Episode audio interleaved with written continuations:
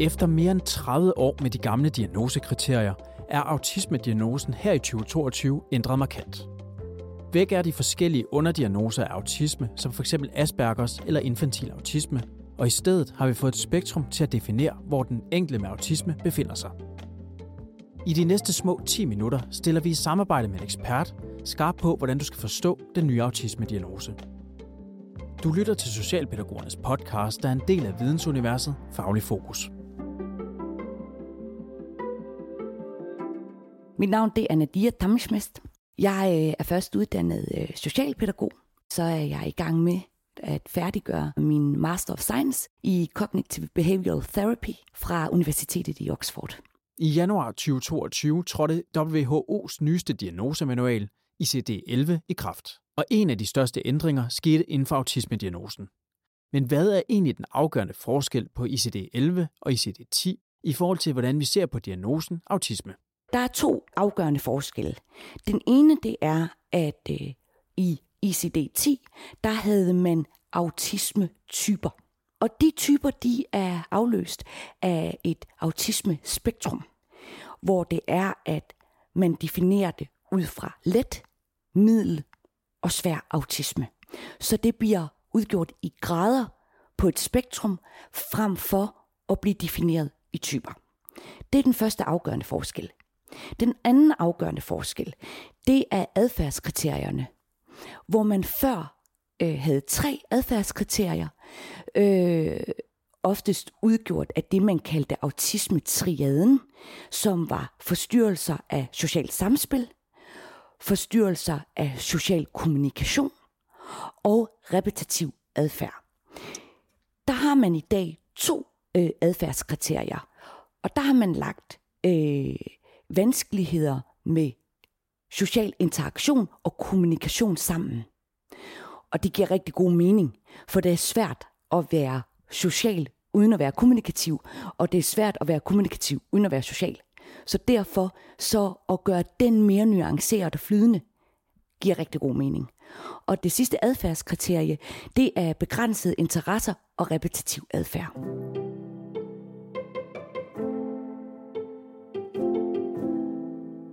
De ændrede kriterier skal ikke kun ses som en ændret måde at diagnostisere på.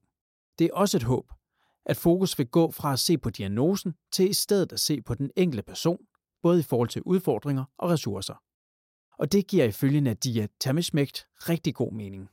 Hvis vi først taler om autismespektrummet, altså at det nu bliver defineret ud fra et spektra i grader, så er forståelsesrammen på den måde videre og mere fleksibel. Og det giver også en mulighed for at forstå autisme i både let, middel og svær grad bredere.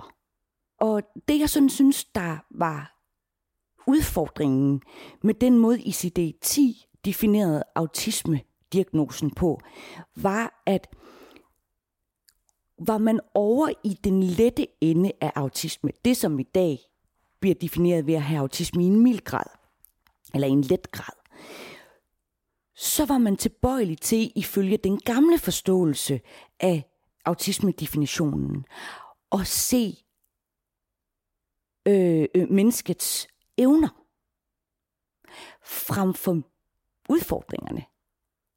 Hvorimod at var man over i den helt svære grad, det man i gamle dage kaldte infantil eller klassisk autisme, så var det faktisk svært at se menneskets evner, og fik kun øje på besværlighederne eller udfordringerne. Her der får vi en mulighed for at forstå, at okay, det her det foregår på et spektrum. Så derfor så kan vi have autismen i en let grad, hvor vi har gode kommunikationsevner og ok sociale færdigheder, men meget begrænsede interesser og svær repetitiv adfærd. Men vi kan også gå i den anden ende og så sige, vi har meget svære kommunikationsevner og sociale færdigheder, men vi har ikke udbredt repetitiv adfærd. Den er til stede, og det er en del af diagnosekriteriet, men det er ikke i, i den grad, som man øh, kunne se i andre henseender. Så på den måde, så bliver elastikken lidt mere fleksibel og lidt videre. Og når det er, at man ser autisme-diagnosen på et spektrum, frem for at se autisme-diagnosen typebestemt, så får man også muligheden for at se det enkelte menneske individuelt. Med de evner og de udfordringer, som det individuelle menneske har. Og det betyder også, at man kan tillægge øh, socialpædagogiske tilgange efter efter individet og ikke efter autismetypen, som man også var forfalden til at gøre før. Og så synes jeg også, at det er interessant at komme ind på, at der er sådan en, en, et, et ordsprog eller en ordenlyd, at når man har mødt et menneske med autisme, så har man mødt et menneske med autisme.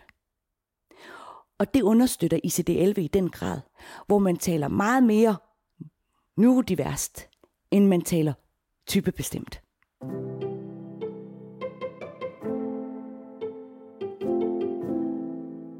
De nye diagnosekriterier er med til at gøre det endnu mere nødvendigt, at socialpædagoger griber til relationsarbejde. For eksempel kontaktarbejde, spejling og mentalisering. Disse metoder er med til at støtte op om jeget. For et stærkt jeg, eller en følelse af egen identitet, betyder, at en person kan mærke, forstå og være med sine egne følelser, mentale tilstande og behov. Og det er jo netop det, som mennesker med autisme kan have svært ved. Den nye ICD-11 betyder helt sikkert for socialpædagogerne rundt omkring i landet, at de netop får muligheden for at tilgå individet meget mere nuanceret og individuelt, frem for igen typebestemt. Det jeg egentlig synes, der er den mest rørende og bemærkelsesværdige del af ICD-11, det er helt sikkert, at et, den har en meget mere humanistisk tilgang til autismediagnosen. Og det synes jeg har en stor betydning. Men den omfavner også hele det paradigmeskift og den bevægelse, der roligt, men støtter sat i gang, hvor det er, at man vælger at se autisme som en neurodiversitet, frem for et handicap eller en mangel. Før der så man autismediagnosen og mennesker med autisme som, som der var noget, de manglede. Der var noget, der var forkert. Der var noget, der skulle fikses. Nu lader vi det være og siger, det har en, det, det er, hvad det er. Det er, en, det er en anden måde at tænke på inden for tænkning. Så de får lov til at arbejde meget mere ressourcefokuseret på de evner, som det enkelte menneske har, men også få lov til at arbejde meget mere øh, specifikt med de udfordringer, som det er, det enkelte menneske har. Igen på individet, og igen i nuancen, frem for at arbejde udelukkende ud fra typer og værktøjskasser, matchende til de typer, der nu engang er. ICD-11 og de nye diagnosekriterier er allerede taget i brug. Sundhedsdatastyrelsen oplyser, at de nye diagnosekoder findes og anvendes i de faglige miljøer, men at den tekniske implementering i alle datasystemer, statistik osv. tager længere tid og forventes fuldt indfaset i 2026. Hvis du vil sætte endnu mere fokus på autisme-diagnosen og ICD-11, kan du finde mere inspiration i vores faglige tema om autisme, som vi linker til i beskrivelsen af denne episode, eller på Faglig Fokus på sl.dk-fagligfokus. Podcasten er produceret af Kontekst og Lyd. Jeg hedder Mads Christian Hede. Tak fordi du lyttede med.